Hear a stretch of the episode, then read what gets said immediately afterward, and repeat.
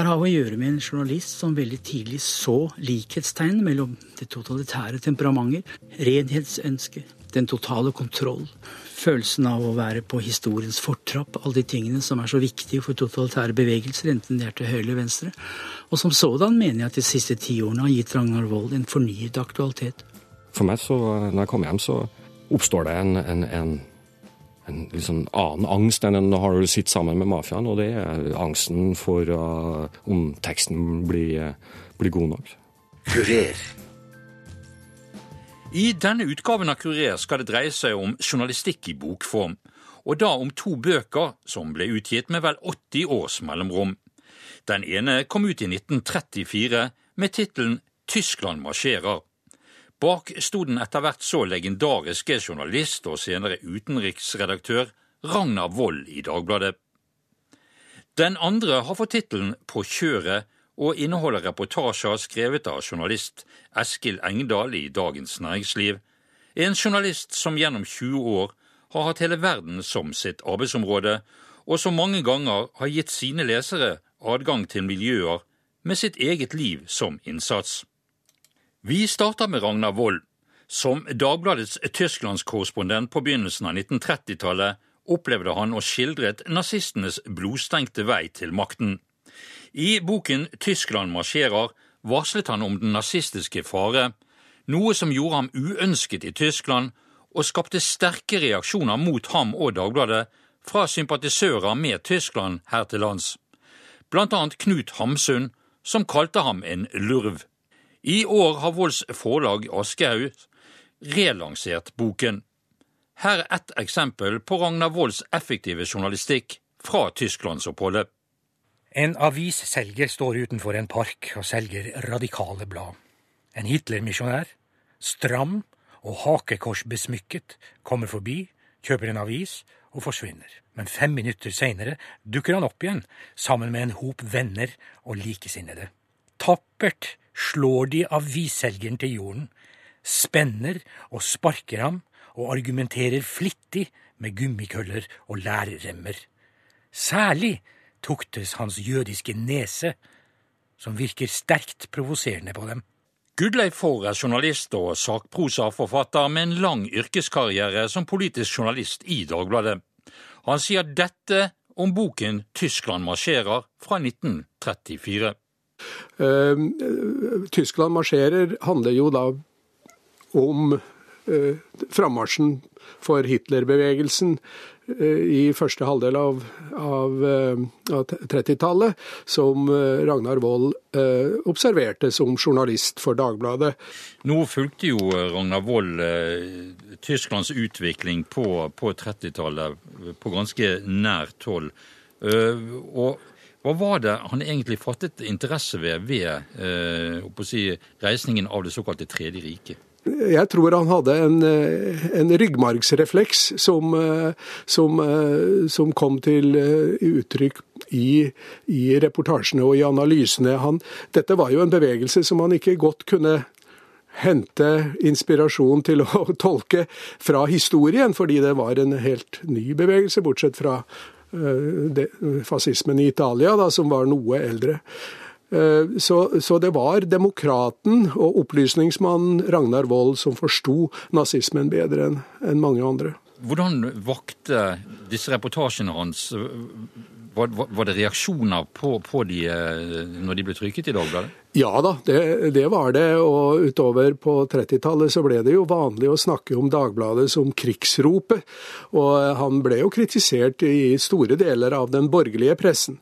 I arbeiderpressen var de nok mye mer uh, tydelig opptatt av uh, og, og, de farene som, som uh, nazismen representerte, og, og, og, skrev selvfølgelig også de analyser av, av nazismen i, i tråd med med, det Ragnar Wold gjorde. Han kombinerte jo dette her med å skrive det han så på en elegant måte, og kombinerte det med analyse. For dette var jo egentlig en del av den dagbladstilen som eh, var utviklet gjennom 20-årene under, under, Einar Skavlan og Gunnar Larsen og hele rekken av av ja, sagt gullmedaljører fra, fra den gullalderen. Uh, det, var, det, det er altså puls og distanse. En journalistisk arbeidsform som er vanskelig å praktisere, men som uh, lar seg praktisere. Og det viste jo Ragnar Wold, da. Jeg tror ikke Ragnar Wold tenkte så veldig mye på at det skulle være samtidig tilsvar når han, når han skrev. Og det baserte seg jo på at han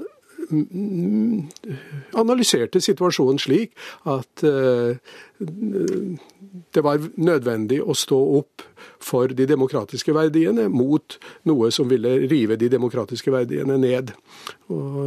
så han, han likestilte ikke Eh, Hitler-bevegelsen med de demokratiske bevegelsene, slik det var en tendens til i offisiell politikk også, eh, men selvfølgelig også i, i journalistikken på den tida. Hans journalistikk gjorde jo også at han eh, ble uønsket i Tyskland og foraktet av, som du sier, også den politiske høyreside også i Norge. Ja, han, eh, han, ble jo eh, mer eller mindre utvist fra Tyskland, og var ikke eh, ønsket der etter, etter 1933, tror jeg det var. Og, og, da skrev han jo videre fra, fra Oslo, da, på grunnlag av det han leste i aviser og fulgte med i. Um, dette fikk jo følger for han også da krigen kom til Norge i 1940. Han, han fryktet jo uh, for sitt liv uh, av gode grunner, og, og gikk jo etter hvert uh, også under, under, under jorda, da, som det gjerne sies.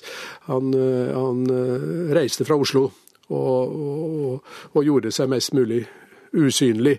Men han, men han fortsatte jo en, et par år etter, etter 9. april å skrive i avisen, så, så det, det, var ikke sånn at han lot seg eh, terrorisere til, til taushet.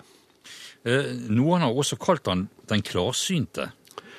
Ja, eh, han var jo det. Han var jo eh, en av de få klarsynte, og iallfall en av de klarsynte som eh, sterkest fortalte hvordan ting var i ferd med å ut, utvikle seg i, i Tyskland. Så, så, det kan man uh, godt si. Og, og spesielt uh, dette som jeg nevnte, at han, han, så det andre ikke så, og det andre kanskje brukte prøvde å, å, å, å, finne forklaring på i fortiden.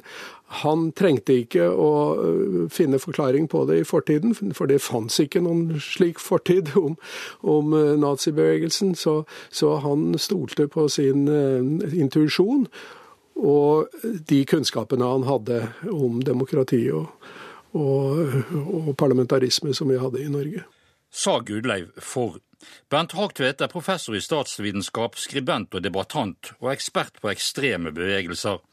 Han sier det er stor forskjell på de norske avisene som på 1930-tallet tok avstand fra det som skjedde i Tyskland, og de som støttet eller forholdt seg likegyldig.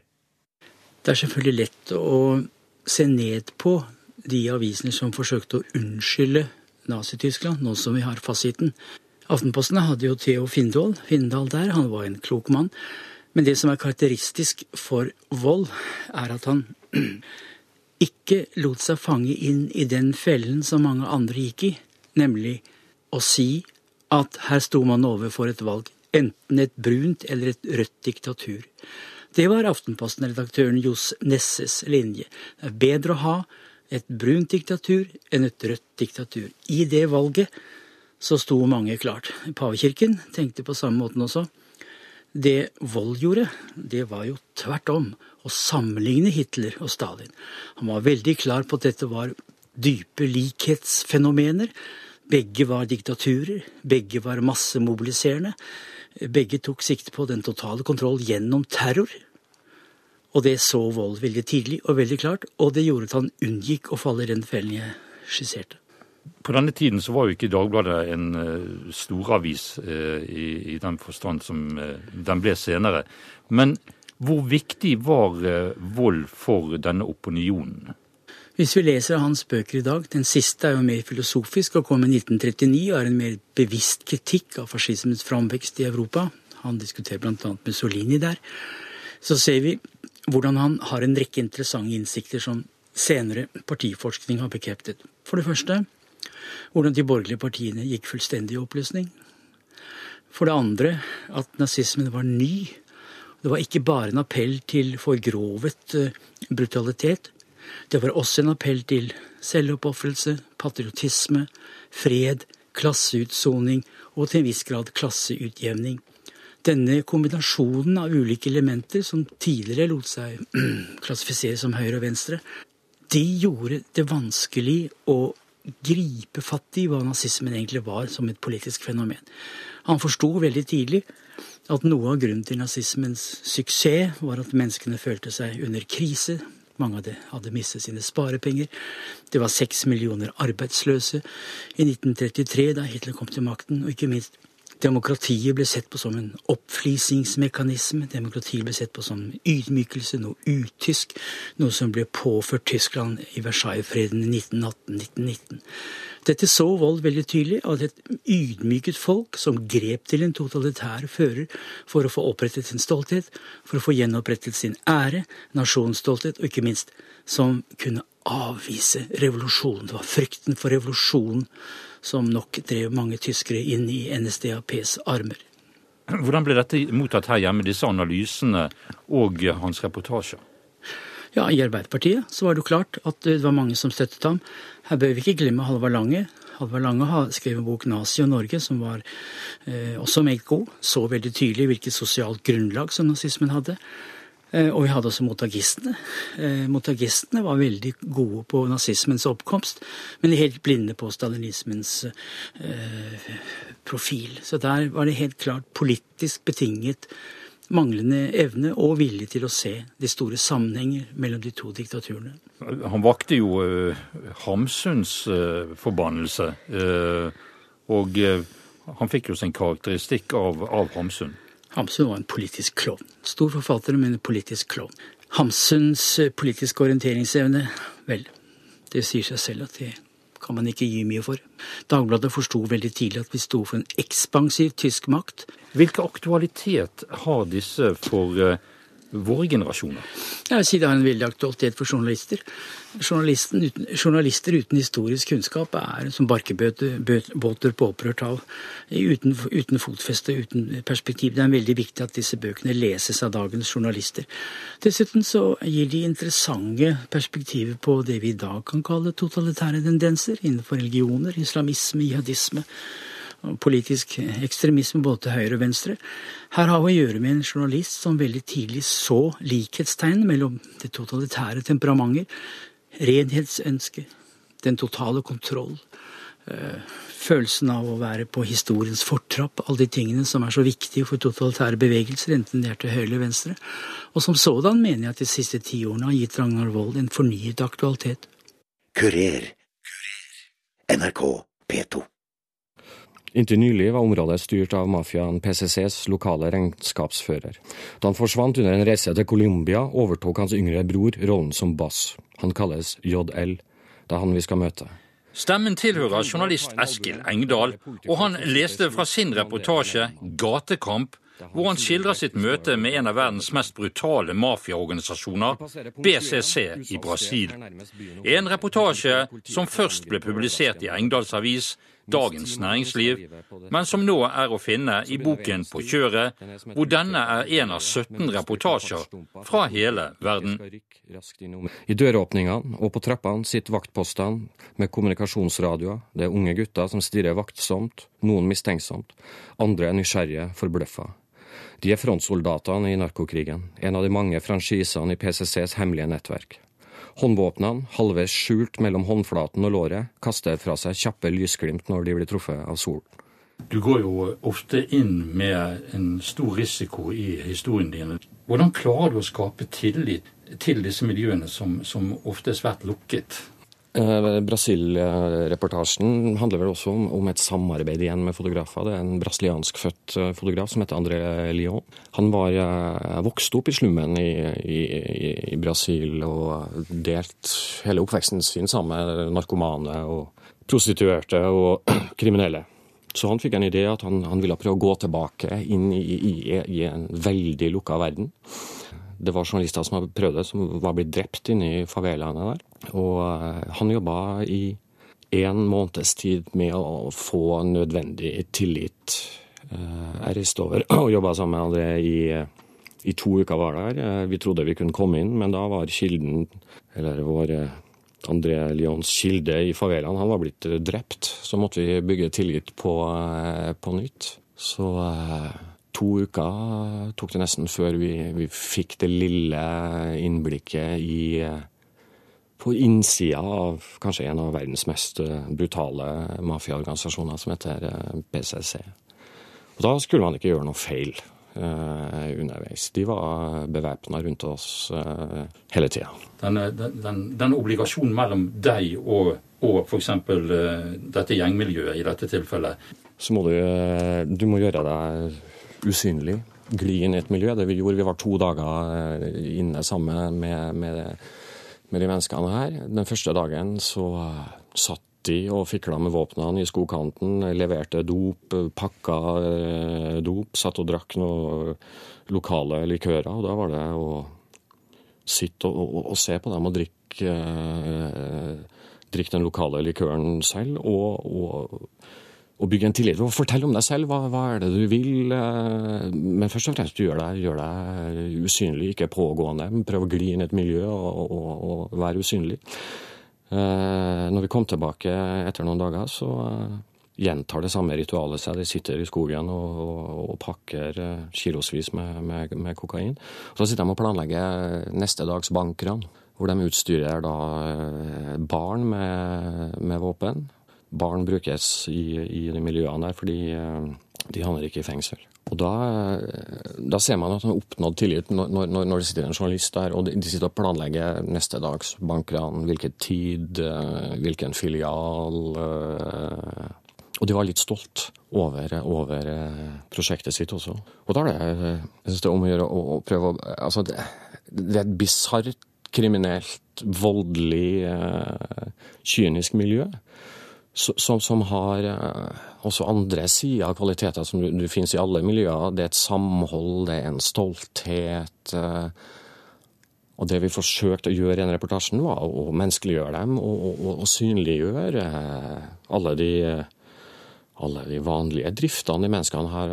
har altså drømmene om å komme seg ut av det her, eller drømmen om å bli rik, drømmen om å, å, å få en familie. Helt universelle drifter, men eh, de har, eh, de har valgt, eller tvunget, til å, å, å velge en, eh, den kriminelle banen. Det her var i en favela hvor, hvor staten overhodet ikke er, er, til stede, og hvor de lå i nesten daglig skyting, og, eller det var daglige skyteepisoder og, og krig med, med, med, statens maktapparat, politiet, som også kom inn for å, for å drepe.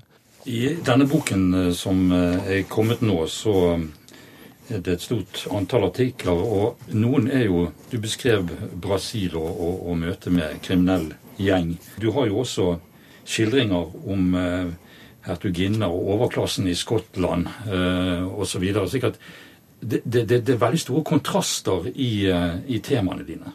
Og det, det, er vel i løpet av de 20 årene som det tidsspennet i boka er, så, så er vel det jeg har jakta, tror jeg, altså ekstremene. Og overklassen er, eller pengeeliten, er jo også en, en ekstrem del av, av, samfunnet. Og det er også en lukka verden. det er kanskje enklere å komme inn på, på, i en favela eller på en søppeldynge enn det er å, å, komme inn i et styrerom enn i et, i et aristokratisk miljø. Så det som er for meg er fascinerende med, med aristokratiet, er, er, den lukketheten, den verden vi vet uh, veldig lite om. Uh, jeg syns det er interessant å, å, å studere ritualene deres, være sammen med dem over, over tid aristokratiet eller overklassen eller de rike er ofte mye vanskeligere å, å, å, komme inn på og snakke med. For de eh, fremstår som et ferdig De er veldig bevisst i å være i media. De fremstår som et sånn ferdig produkt. Da. De har PR-rådgivere, de, de, vet hvem de er, de skal selge seg som en vare. og Da, da kommer du ikke inn på, på, på menneskene sjelden, og da må du i hvert fall bruke, bruke tid. Så, så kan, du, kan, du, få det til. De som står i andre enden av av skalaen. Altså utslåtte og fattige eller kriminelle eller mafia. De, de, har ikke så mye å tape. De, de åpner seg mye, mye lettere for, for, journalister. De har ikke noe produkt å selge. Det er jo ikke alle aviser som på en måte kunne ha de ressursene som du trenger for å, å utøve denne formen for, for, journalistikk? Det har jo vist seg at, at de store, ofte tidkrevende reportasjene Vi, vi kan jo eh, jobbe i to-tre måneder, ofte i team. To journalister, én fotograf. Eh, og Det er klart det er veldig ressurskrevende, men det, det, har, det ser ut som det betaler seg. Det, det, selger, og det, er jo hyggelig at eh, hvis vi kan våge å kalle det kvalitetsjournalistikk, at det faktisk er et, er et marked for det. Det er ingen utgift. Eskil Engdahls arbeid er krevende. Enten han rapporterer fra en av verdens mange slagmarker, møter den internasjonale overklassen, på tur i det skotske høylandet sammen med de som eier den, eller som infiltratør i lyssky handel med bloddiamanter. Han beskriver det nødvendige utskrivingsarbeidet som like krevende som det å innhente stoffet. Når du kommer hjem, så, så da er det om å få de her eh, opplevelsene ut av blodomløpet og, og, og og ned på papiret.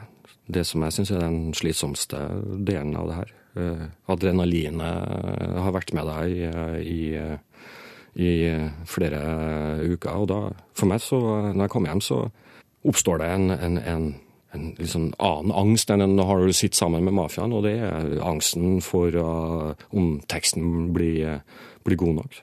Angsten er, er, er en viktig drivkraft i å, i å skrive. Fordi uh, altså, å, å, jobbe med språk er for meg en sånn evig erkjennelse av at alt kan bli bedre. At andre har gjort det bedre enn deg. Godt språk ligger ofte i, i, i, i det som allerede er skrevet. Så hvis man kan snakke om noe, noe metode, så, så er det å lese annen god journalistikk. Altså for å få en melodi, et riktig tonefall inn i den, den historien du vil eh, fortelle. Og så skal du prøve å, å løse teksten kanskje på en formmessig, kreativ eller tilfredsstillende ny måte. Og, da, og den kreativiteten den, den, den, oppstår ikke tilfeldig. Den, den, den oppstår bare med, med arbeid. Men er det noen reportasjer som du kunne tenke deg å gjøre, altså som ligger øverst på, på, i din bevissthet? Noe som du håper en gang å få til? Altså Det fenomenet det er vel noe alle journalister, eh, alle journalister ønsker seg, tror jeg, som driver med, med både nyhets- og reportasjejournalistikk, er å, å, å, prøve å forklare fenomenet eh, islamsk stat. Og komme kom på innsida og, og, prøve å forstå det. Men eh, det, sånn som det ser ut nå, så lar jo ikke det seg gjøre. For risikoen, risikoen er for stor. Men til tross for eh, at din arbeidsgiver har de ressursene som skal til for at du kan gjennomføre dette på vegne av Dagens Næringsliv, så må det jo ligge et engasjement i bunnen av det arbeidet du gjør? Engasjementet er, er, er uro. Kombinasjon av nysgjerrighet og, og uro. Jeg har jo prøvd meg litt som gravejournalist. Og det har jo aldri vært uh, spesielt uh, vellykka. For jeg er for rastløs, for lite systematisk til å, til å, til å holde på med det. Uh, heldigvis har vi andre i Dagens Næringsliv som, som, som, kan det veldig godt. For meg er den derre stadige rastløsheten å komme seg ut, se rundt neste hjørne, se rundt neste gatehjørne hva som, som, som finnes der. og ikke minst belønninga, som er belønninga er møter med mennesker. Møter med skjebner høre historier. Eh, historie, å fortelle historier, er jo menneskets urkraft på, på mange måter. Det var der vi begynte. Vi satt rundt uh, bålet og, og, og snakka med hverandre. Fortalte historier for å prøve å forstå hva det, hva, hva det er å, å være uh, menneske. Og nå er du, eller jeg, så privilegert at jeg kan reise rundt til alle verdens hjørner og sitte rundt det, det, det leirbålet og høre på, høre på de historiene.